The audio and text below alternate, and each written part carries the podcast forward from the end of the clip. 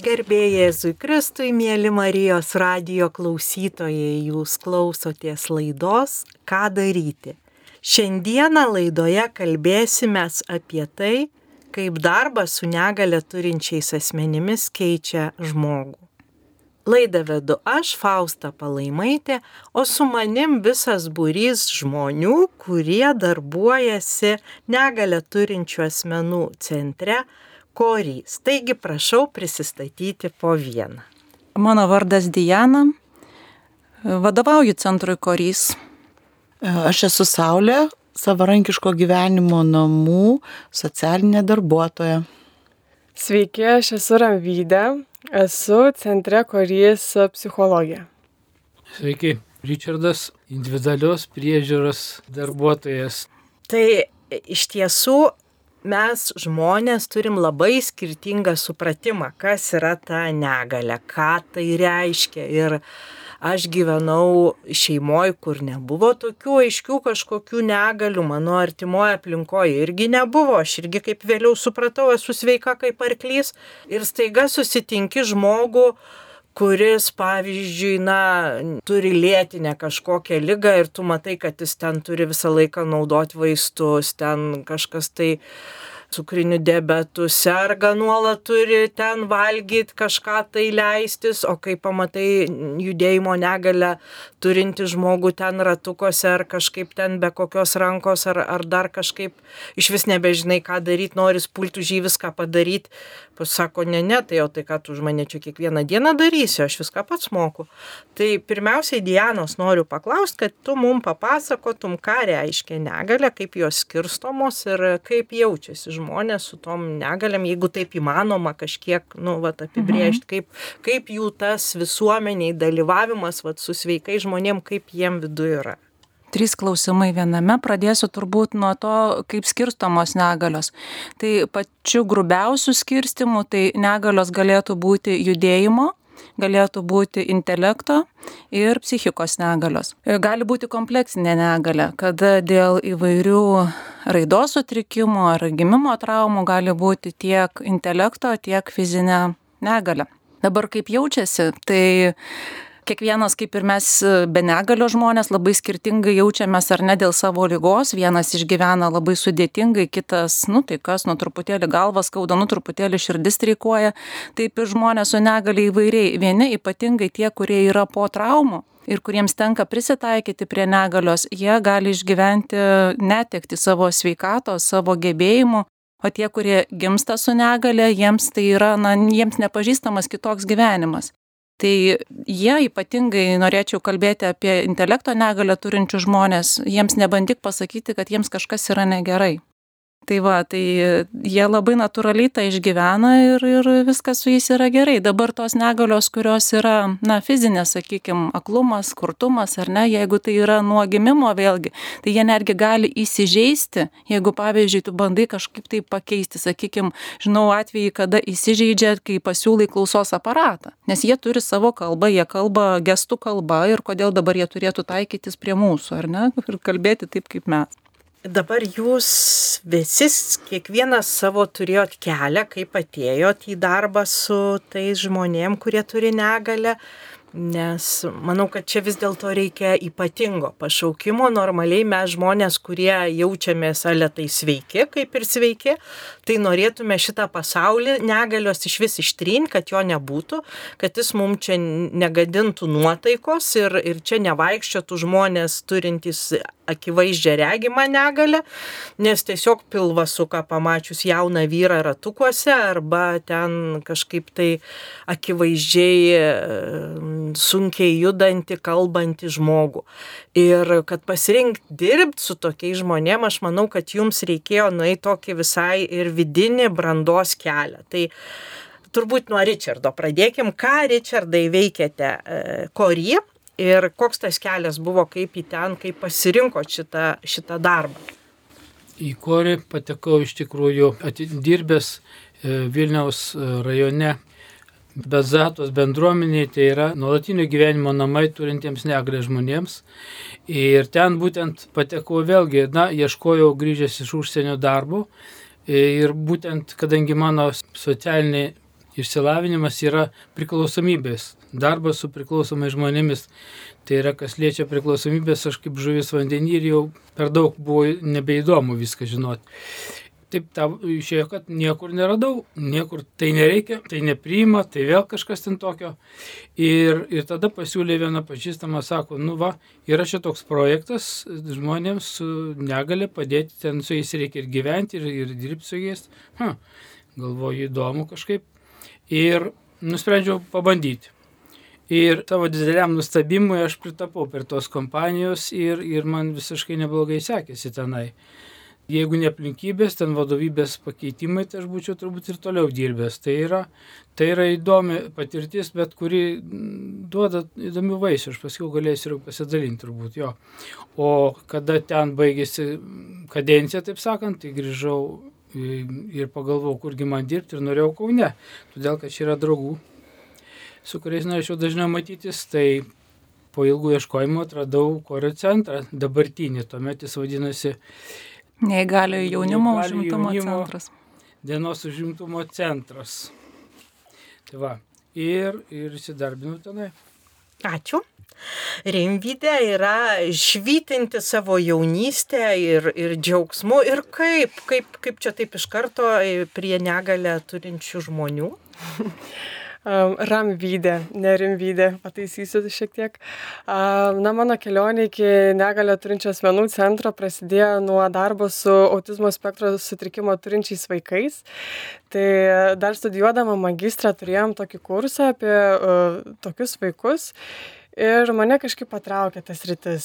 Kažkaip pajutau, kad na, mano savybės turėtų ten kažkaip įsidarbinti ir tikti.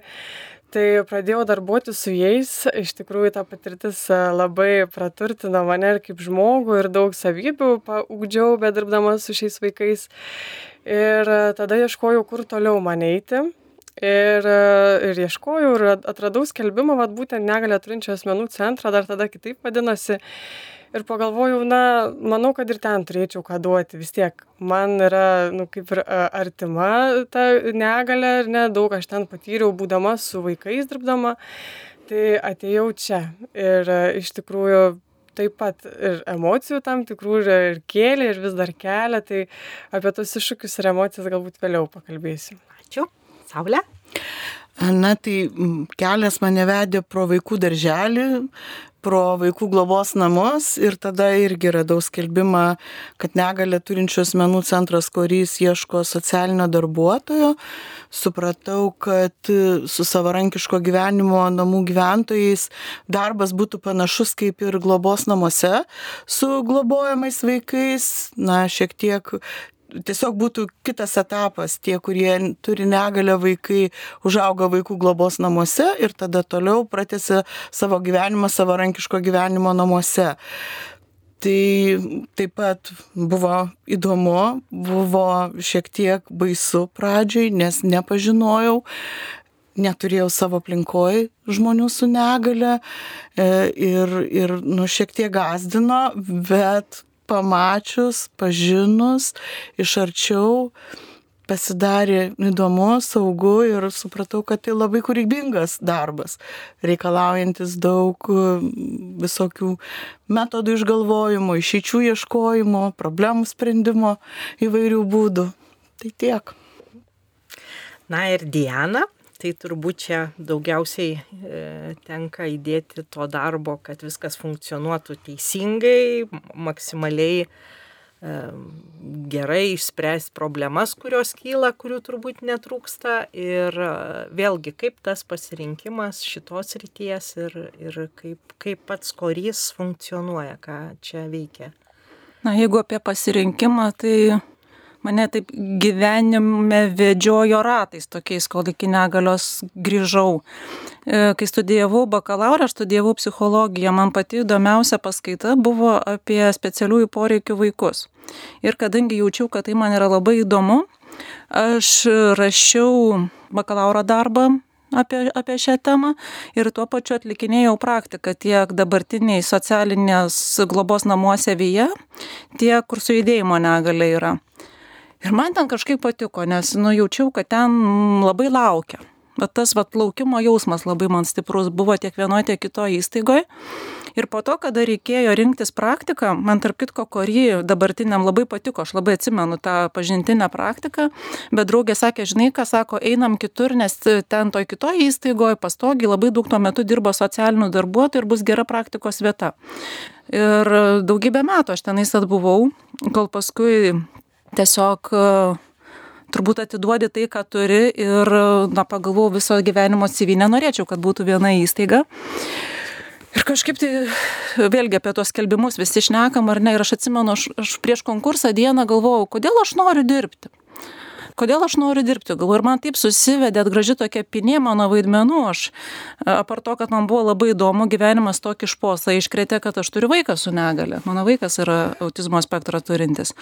Tai va, ir toksai buvo labai aiškus tas motyvas, manęs niekas neklausė apie tą motyvą, bet aš pati savo atsakiau, kad aš noriu padaryti tokią įstaigą, kokia būtų gera mano vaikui. Aš tokią vat vėliavą ir keliauju. Tai kaip viską suvadėlioti, iš tikrųjų aš na, esu laiminga, kad aš esu išmokusi gyvenime vieną labai gerą pamoką. Kad nereikia išradinėti dviračio, reikia žiūrėti į tuos, kurie kažką yra padarę gero ir tai bandyti pakartoti. Tai turime mes pavyzdį, Lietuvoje tas pavyzdys yra, toliau buvo labai aišku, kad mes norim Europos standarto savo įstaigoje ir viską darėm, kad žinotumėm apie ką tas standartas ir tai ne dėl diplomo kažkokio, bet dėl to, kad, na, neišradinėjant dviračio pasidarytumėm tai, kas turi būti geroje socialinėje įstaigoje. Ir turim, ką turim, tikrai džiaugiamės. Tarp kitko pasigirsiu, nes šiandienos atradimas tai yra mes Visai nesenai šventėme 25 metų veiklos jubiliejų ir darėm tokį džiaugsmų korį, kur kiekvienas galėjo uždėti savo koriuką, kas jį labiausiai džiugina koryje.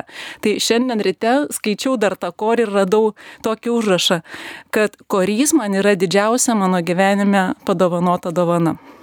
Tai galvoju, čia tai vertinimas tai jau beveik užsiminėt visi apie tai, ką jums davė ir ką išgyvenate, dirbdami su negale turinčiai žmonėmis, tai pakviesiu papasakotų galbūt konkrečių istorijų.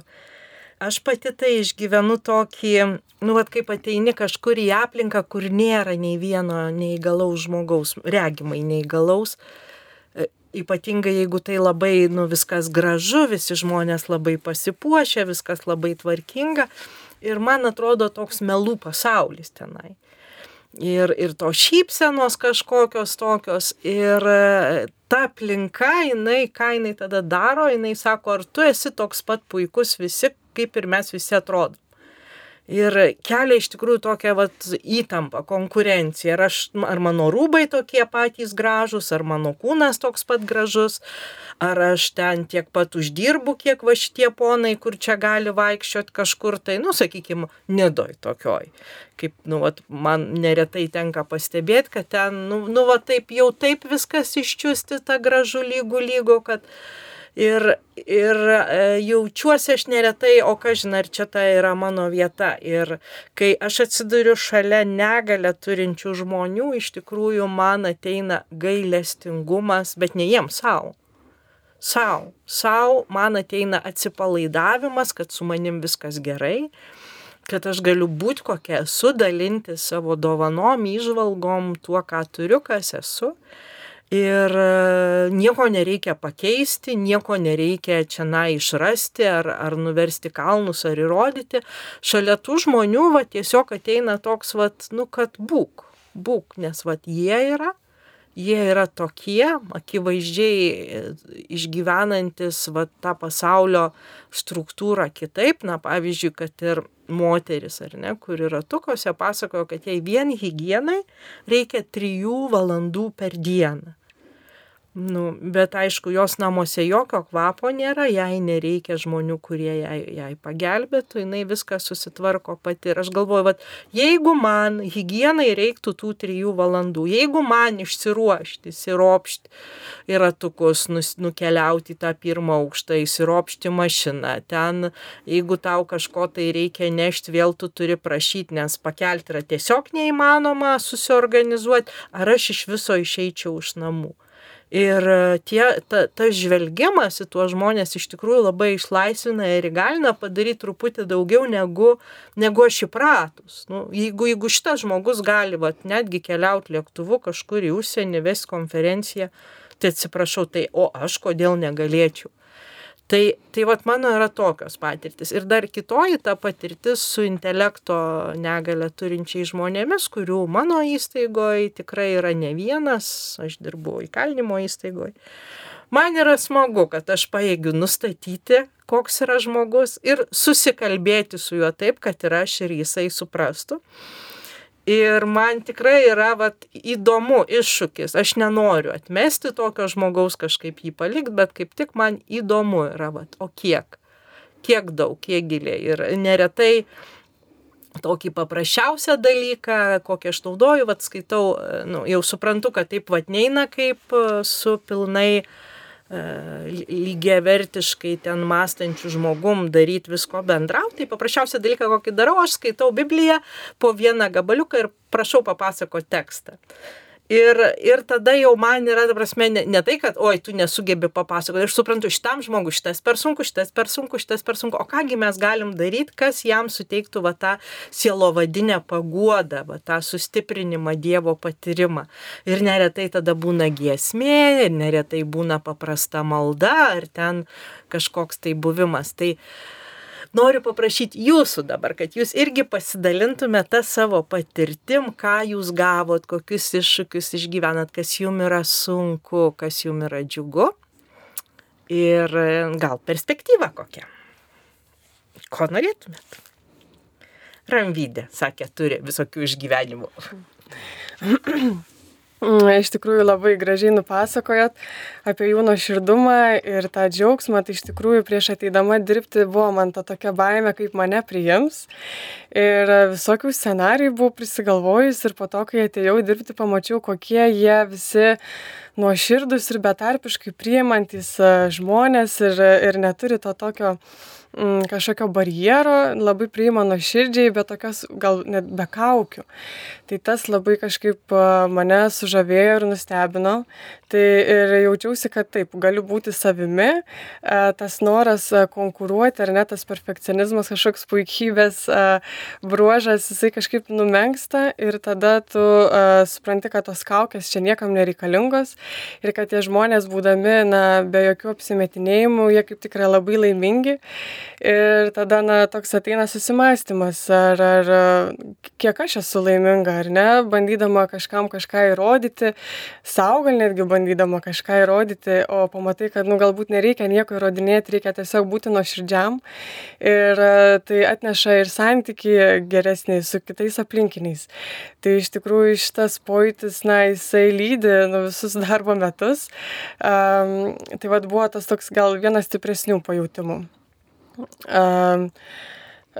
Kas dar labai paliečia, tai Tai yra ir iššūkių, aišku, ne tik tai vien tik džiaugsmas, tai na, būna ir tų a, manipulacijų mūsų lankytojų, a, tačiau jos vis tiek skiriasi nuo tų, kaip mes savo gyvenime jas patiriam. Jie neturi jokio mm, jokio tikslo tavęs apgauti ar kažkaip tavim pasinaudoti, jiems svarbu tavo dėmesys. Tai, tai va tas iššūkis būna, kaip, kaip jį duoti, bet tiek, kiek jam nepakenktų pačiam, nes tada, na, tą visą dėmesį gali ir pasimti. Aha, tai, tai va gal tokie ir iššūkiai ir na yra visokių ir ir patyrimų kad kartais norisi ir daugiau padėti tam žmogui kai tu supranti po to kad na gal nereikia už jį daryt kaip tik reikia leisti jam pačiam. Ir kuo daugiau leidi tuo daugiau savarankiškėja ir tų vat manipuliacijų kad tu padaryk už mane irgi mažėja. Tai va tada supranti kiek ta palaikymas e, žmogaus ir pastangos na gali tam žmogui padėti savarankiškėti ir tapti laisvesniu Ačiū. Saulė, kokie tavo atradimai šitam darbe? Aha, tai mano darbas kviesti spręsti savo iššūkius kiekvieną savarankiško gyvenimo gyventoją ir tam, kad jisai galėtų spręsti savo problemas, reikalus tvarkytis, na, jam reikia įgūdžių tam tikrų. Tai Tai pirmiausia, norint turėti galę daryti įtaką kito žmogaus sprendimam, reikia tokio stipraus ryšio. Tai pradžioj tikrai teko pasistengti užmėgti su kiekvienu tą individualų ryšį ir sukūrus pasitikėjimo pilną ryšį, jau tada einam daryti veiksmų, tai kaip viskas vyksta. Tai mm, pradžioj klausiu, kokios tau reikia pagalbos, ką tu gali susitvarkyti, o ko tu negali susitvarkyti. E, gal tave reikia palydėti, kad aš visada būsiu šalia, kad tu gali klysti ir nežinot, kad aš irgi kartais nežinau. Ir jeigu mes abu nežinom, einam paieškoti, einam pagooglint, kaip pas, pas, galim pas ką nors paklausti, kaip tai padaryti. Gal kas turi patirties.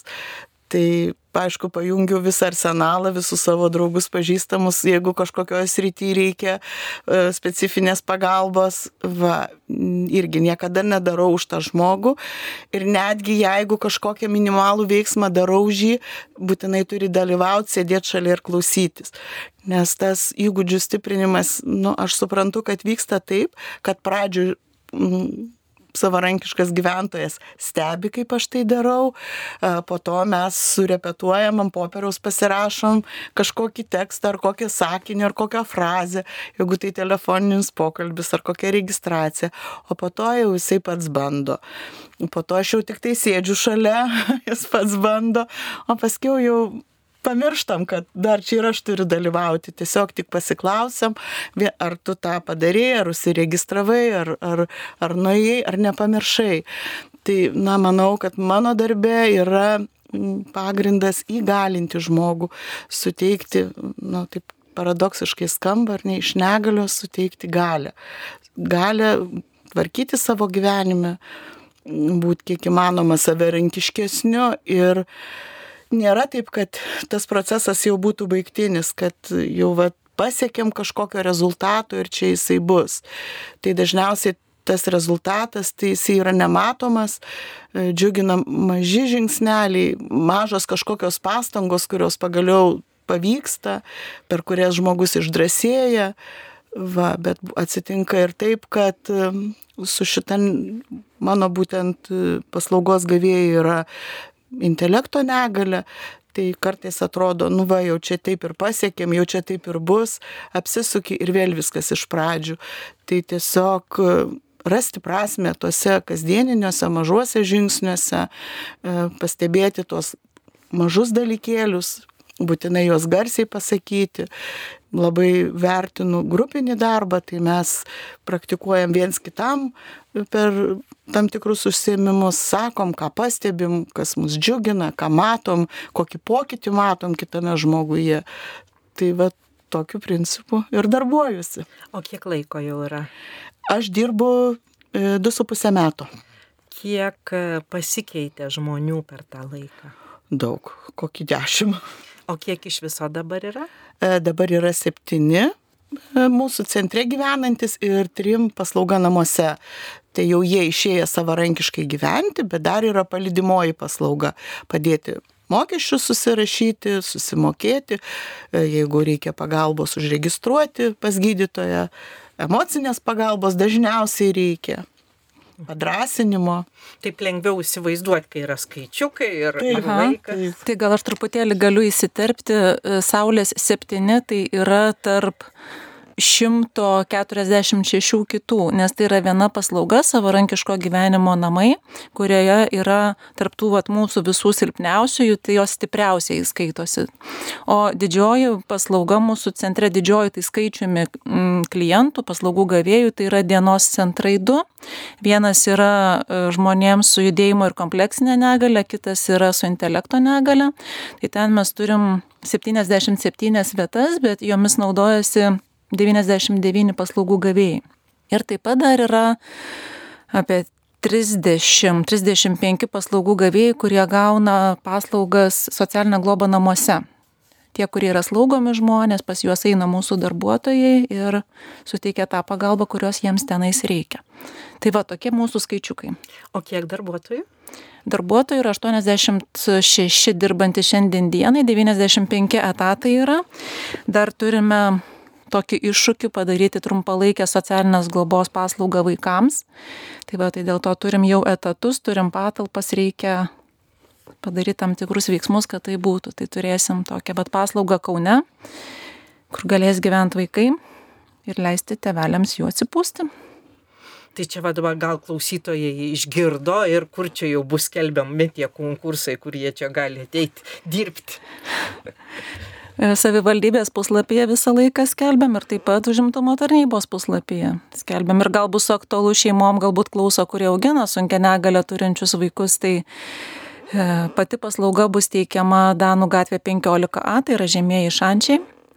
Ir e, darysim taip, kad bus dienos centras ir jeigu bus toksai poreikis šeimai, galės ir su nakvynė vaikas likti iki penkių dienų, arba jeigu atokvėpio reikės ilgiau, pavyzdžiui, kelionę norės išvažiuoti, tai galės iki, iki 30 dienų per metus, iki 30 parų per metus naudoti šią paslaugą. O vaikas tai iki 18 metų. Iki 18, taip. Ačiū. Dar ir Richardas nepapasakojo savo nuotikių, išvalgų, patirčių, laimių ir turbūt Dievo patirčių dar.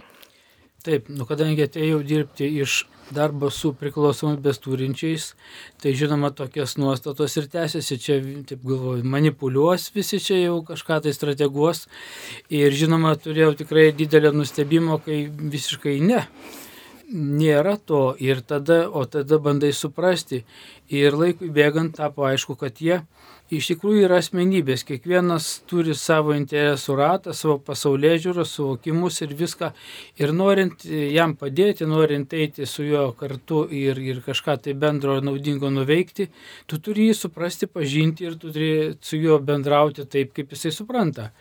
Ir va, pirmas mano lankytojas, su kuriuo artimą tokį kontaktą radau, tai buvo su Dauno sindromu vaikinas čia buvo Betzatos bendruomeniai, nuolatinio gyvenimo namuose. Tai m, mm, iš tikrųjų jis labai atviras, jis su visai šneka ir, ir, ir prie manęs irgi greitai e, pritapom žodžiu. Ir mes su juo daug šnekėjom, bendravom, nu ir, ir iš tikrųjų taip jau paskui ir pastabas vadovybė sako, nu jau čia jūs per, jau, jau atsiranda ryšys tas, kuris jau per daug atseit. Ir aš taip galvoju, nu tai norint tikslą kažkokį siekti žmogaus, tai turi turėti tą ryšį šiokį tokį vis dėlto. Bet kokiu atveju tikrai tas bendravimas buvo naudingas. Ir paskui va matai, kad tikrai turi tokio e, manipulacijos elementų, va, tas vaikinas, kuris turi savo tikslų. Savo tikslų siekdamas jis tą daro, nieko daugiau ir paprastai labai paprasti dalykai. Pavyzdžiui. Labai, labai mėgsta muzikos įrašus ir klausyti tam tikrų muzikos lietuviškų įrašų. Nu ir prašo, kad aš jam suveikčiau jų, atneščiau, žodžiu, duočiau ten tas, e, reiškia, kompaktinių diskų įrašus ir jis tada labai patenkintas klausom. O su kitais, žinoma, irgi užtrunka laiko, va, tai dabartiniam centre aš irgi tokia m, mm, aplinkybė įdomi, kai atėjau dirbti, gavau m, mm, dovaną vežimėlį sėdinti vaikiną su, su rimta negale kuris e, puikiai supranta, ką jam sakai, lietuviškai jisai, jisai kalba tėvai lietuviai, bet jisai visiškai nemoka kalbėti, jisai negali kalbėti dėl savo negalės, visiškai nekalba, tik tai savo tokius garsus visokius leidžia ten džiaugsmą, pasitenkinimą arba kitokį. Nu ir, ir turi savo gestų kalbą, bandėm mokinti jų gesto kalbos, tai ten labai trumpam viskas užtrunka ir paskiau jis vis tiek perina prie savo ir tada belieka ką mokintis tos kalbos, reiškia, nu ir ką, ir, ir atrandi, kaip su juo susikalbėti. Iš tikrųjų, mm, pavyzdžiui, kaip vyras vat, mėgsta tą, nu, tokią reiškia, pažadai įvykdai, pasakei padarai, reiškia, tai turi būti, va, ne, neturi būti iš tavo pusės jokių manipulacijų. Jie, tarp kitko, žmonės, čia bendra pastaba, žmonės su ne, negalė patys labai neblogai jaučia suaugusius. Jie to neparodys, bet aš matydavau, kada jie atskirai ten ir ten kažkur tu visai šalia, ir jie net nemato tavęs, ir aš matau, kaip jie dalinasi, reiškia, ir kalba apie tos sveikuosius e, mūsiškius, ir jie puikiai įvertina, kai kurie puikiai vertina. Čia, kas liečia bezato sveikatos centrą. Va, o šį čia, tai va su to vaikinu. Ir va tada pradėjau sakyti, reiškia, darom šitaip, darom taip ir aš savo pažadus irgi vykdau ir atsirado tas ryšys. Tai faktiškai jisai yra labai, nu, karšto būdo pasitarp žodžio, tarp, tarp būsenos noriu ir, ir, ir, ir darom nėra, palauk. Jisai iš karto šauna į galvą ir daro. Tai prie jo visą laiką reikia būti, nes jisai ką nors grieps, nutrauks, numes tenai, turi stiprią ranką ypač vieną tenai, nu ir, ir viskas, ir tu turi faktiškai su juo būti. Tai visi, žinoma, greitai pavargdavo, o aš kažkokiu būdu, va, žiūriu, kad aš su juo per daug nepavargstu. Ir visą tą darbo dieną kartais visai normaliai praleidi. Būna, aišku, kai jau ten siautė, kaip reikiant ir ten jau nėra kalbos, bet visumai atradom ryšį ir dabar jau viskas, jau jam reikia, kad aš ateičiau į darbą, jau yra poreikis bendrauti. Ir žodžiu, žinau jo pomėgius, jo labai keisti pomėgiai. Jisai, pavyzdžiui, nori matuoti visą laiką tą patį automobilio tarpą nuo sienos. Ir kada aš atvažinėjau su automobiliu į darbą, tai, tai čia būdavo pagrindinis mano arkliukas, sakau, tai va, jeigu gerai busi, tai bus tavo tas tarpas. nu, man tokie, va, žodžiu, unikalūs atradimai, kurių negali, taip sakant, sveikų protų išmastyti. Tai čia tai tokį ryškesnį pavyzdį daviau. O su kitais, žinoma, irgi turi vat, atrasti, bet tu turi būti savimi, turi nevaidinti kažką, tai, bet tiesiog būti nuoširdus ir, ir, ir turėti norą vis dėlto padėti. Tai jeigu grįžti prie krikščionybės, tai va, ir tikrai esu girdėjęs tokią frazę, kad tai žmonės, kuriems reikia ypatingai daug pagalbos. Tai yra daug poreikių ir daug pagalbos. Iš tikrųjų taip jiems ir reikia jo. Įvairiai labai skirtingai kiekvienam. Ir čia tas bažnyčios socialinis mokslas padėk tam vargšui ir kenčiančiam yra realus visiškai. Tai tą aš darau ir matau, kad tam yra prasme. Tai tiek galbūt jo. Ačiū Richardui. Ir jau, manau, e, Richardas perėjo truputį kitą temą. Norėčiau paplėtoti, kaip klausytojam, jeigu jie turi vat, su negale kažkokioje aplinkoje žmogų, kokių va tų patarimų, kaip elgtis. Tai va, pirma, e, jau kas svarbiausia girdėjau ne iš vieno, tai nuoširdumas. Visiškas nuoširdumas ir, ir kol turbūt mes neįveikiam tos baimės savy prieiti ir žiūrėti atvirom akim, klausti žmogaus arba bandyti suprasti, koks yra jo pasaulis, tai tarp mūsų ir ta siena niekaip e, ne, nesumažės. Ir va, aš esu kiek kalbėjusi su žmonėm turinčiais ten koks, nežinau, pusbrolis, kažkoks dėdė, tai, tai pasižiūri žmogus kalba, kalba ir, ir kai pradeda apie tai kalbėti, atrodo net spalva jo pasikeičia, patamsėja viskas, visas pasaulis. Ir labai retai, kada esu girdėjus, kaip apie tą negalę žmogų kalbėtų, kad, nu, taip vat lygiai vertiškai, kad jis yra, kad su juo ten kažkaip tai smagu, atrodo, kad suprantamas tik kaip našta, kaip vargas, kaip, kaip nu ką darysi, čia Dievas davė kryželį. Ir iš tikrųjų, kaip kaip pereiti į tą tikrą santykį su tokiu žmogum, kad toks, koks jis yra, toks yra gerai ir Dievui, ir toks jisai reikalingas mūsų visuomeniai, ir kad yra galimybė, yra būdas, kaip užmėgsti tą ryšį, kaip palaikyti ir galbūt net pasismaginti su jais Na, man tai visada yra e, su, su tais žmonėm toks, na, va, aš galiu būti vaikas su jais. Man, nu, nieko nereikia primesti, privaizduoti tenai, parodyti kažką tai tokio. Va, aš, aš galiu visai durniuoti kaip va tie ir, ir, ir, ir tiek. Kaip Jūs manot? Mhm. Aš pirmiausia, tai turbūt norėčiau pradėti nuo to, kad e, mes būnam su mūsų žmonėmis 8 valandas. O šeimos, vat, kurios pervargia ir kaip Faustas sakai, kad spalva pakeičia, kai kurie jų būna 24 valandas arba bent jau atsakomybę jaučia didžiąją dalį. Ir tada taip, tada jeigu tu neturi kaip pailsėti, nuovargis daro savo. Nuovargis yra didžiausias šviesos ir gedros priešas turbūt. Tai, va, tai pirmiausiai norėčiau va, nuo to supratimo pradėti, kad jeigu nepailsėja žmogus, tai tikrai tas spalva natūralu, kad ir keičiasi. Kitas dalykas, ką aš pastebiu bendraujant su mūsų lankytojų tėvais, labai dažnas, ypač mamos tą turi savybę. Turi tokią, kas jeigu ne aš Kas jeigu ne aš? Niekas taip gerai nepasirūpins mano vaiku kaip aš. Ir vat šita nuostata iš tikrųjų kasa duobę nuovargiui. Jos negali atsipalaiduoti, e, pas jūs ten tos paslaugos, tai va taip nepadarot, kaip aš padarau, sauskelnes netaip pakeičiat, netaip lipduką užsegat. Iš tikrųjų, tai manau, kad e, negalę jinai yra ne tik tai šeimai našta, bet jinai yra mums visiems na, našta, ar kaip ją pavadinti, bet tam ir yra paslaugos ir tam ir yra visa na, paslaugų struktūra, kad jomis privaloma naudotis. Tikrai labai liūdna žiūrėti į žmonės, kurie dėl tam tikrų priežasčių, dėja dažniausiai finansinių, būna negavę paslaugų ir ekstra krizinėje situacijoje, kada, pavyzdžiui, artimasis išvažiuoja į ligoninę ir patenka pas mus į trumpalaikę globą. Trumpalaikės globos paslaugą turim. Žmogus neišėjęs 30 metės neturintis batų, nes jam jų nereikia, jisai iš namų neišeina. Tai tokie dalykai yra tikrai labai liūdni, bet čia turbūt ne tas atvejis, kai kas, o jeigu, kas jeigu ne aš tuo pasirūpinsiu. Tiesiog sakau, kad tai yra tokios du kraštutinumai. Ir dar vienas dalykas, kurį norėtųsi, apie kurį norėtųsi kalbėti, apie tą vat, supratimą, ar ne, kad uh, už ką, nu tas klausimas, už ką iš tikrųjų labai spalva ir keičia, patiko man tas kažkaip pasakymas, keičia spalva. Nes aš iš asmeninės patirties sakau, kažkaip, kai gimė mano tauras, tauras tas yra sunus, kuris turi autizmo spektro sutrikimą, kažkaip turbūt iš pradžių buvo neįgymas, kad neklausiau to, o po to pamažu atradau, kad pas mus šeimoje aš atrandu kitaip to žmonės. Pavyzdžiui, močiutės niekada nemačiau tiek mylinčios, kiek myli tą savo nūką, kuris, kuris turi negalę, nes jam nekelia jokių lūkesčių. Ir va tas klausimas, už ką man taip nebyliai transformavosi, dėl ko, ką tas tauras, kokią jisai misiją neša mūsų šeimai. Ir labai noriu palinkėti klausytojam, kad jeigu turite artimąjį su negare, neklauskite savęs, dėl ko Dievas nebaudžia tokiais dalykais, bet galbūt jūsų žmogus su negale gali jūs kažko išmokyti, ko jums asmeniškai arba jūsų šeimai, galbūt jūsų giminiai reikia. Ir tas labai atpalaiduoja iš tikrųjų tą sunkumą tokį nuimą.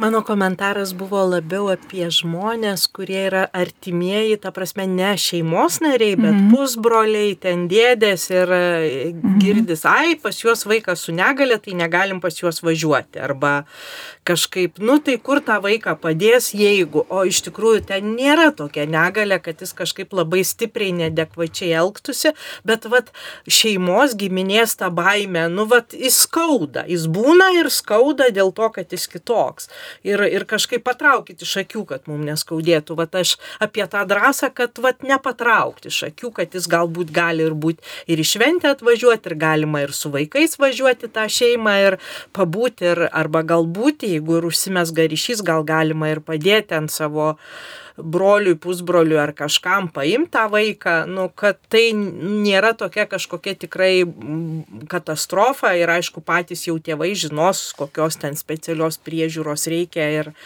ir va, tą padovanot laisvą laiką, laisvą valandą arba galbūt kažka, kažkurį tai vakarą atvykti padovanot, kad galėtų išeiti su tuoktiniai e, kažkur tai e, savo reikalais ir kad tas laikas tikrai bus naudingas ir tam žmogui, kuris dovanoja. Visos baimės, manau, yra įveikiamos tik susidūrus su jom. Ir čia klausimas, kas pirmiau atsirado, ar višta ar kiaušinis, ar tėvai nedrįsta ir nedrįsta vaiko rodyti savo, ar ar ten artimo ir prašytų pusbrolių pagalbos, ar tie pusbroliai nedrįsta. Tai aš manau, kad nu šitoj vat vietoj turėtumėm turėti tokią žinutę, kad e, nieko nėra baisaus, kada į tai pasižiūri ir su tuo išbūni gali visko būti, bet va dar yra tas įdomus dalykas, kad e, čia jau tyrimai buvo daryti, kad jeigu mes ne, nu, ne, traktuojam, kad negalė tai yra, oi, kažkada kažkas atsitiks ar ne, ir čia aš turiu tai sukontroliuoti. Mes ne viską galim sukontroliuoti. Ypač sunkia negalė turinti žmonės, jie turi emocijų protrukių, kurių mes negalėsim sukontroliuoti. Ir tai nutiks. Ir jeigu mes turim tą vidinę ramybę, kad taip gali atsitikti, aš žinau, kokiose vietose tai gali atsitikti ir to, to vengiu, bet na, visą visada gali būti tas netikėtumas, aš visko nesukontroliuosiu. Tas duoda šiokią tokią ramybę. Tai va, o dėl tų vat, pusbrolių ateimo, tai sakyčiau, tik tai nudrasiai pasiūlyti tą pagalbą ir viskas, o per save perlipti, tai visą laiką tokios pamokos yra, manau, tik į naudą. Ačiū. Matau, Saulė daug visko prisirašė. Ai, nu mano gal atsakymai būtų šiek tiek kitokie, kaip aš e, tame santykėje, kaip aš stengiuosi, nu, va irgi e, tą, būtent tą ugdymo e, stiprinimą. Tai labai yra svarbu rasti savarankiško gyvenimo namų gyventojams darbą ir tai yra tikrai labai nelengvas procesas. Jau dabar būna keli metai visokių projektų, e, remia įstaigas, įmonės, kurios įdarbina negalę turinčius asmenis, gauna kažkokias dotacijas. E, tačiau kai reikia įsidarbinti žmogui, tikrai nu, labai sunku. Jis pats dažniausiai turi nusivylimų, kad va, pažiūrėsi mano neįgalumo lygį, kad tokio manęs neprisims atsakomybės priimti darbą, gal čia man bus taip, gal anaip. Tai tokia, nu, kaip ir užduotis mano, kad surast jo stipriąją vietą, kur jisai pritaikytas. Nu, aš taip manau, kad nu, nei vieno žmogaus nėra pasaulyje, kuris tikrai neturėtų savo vietos.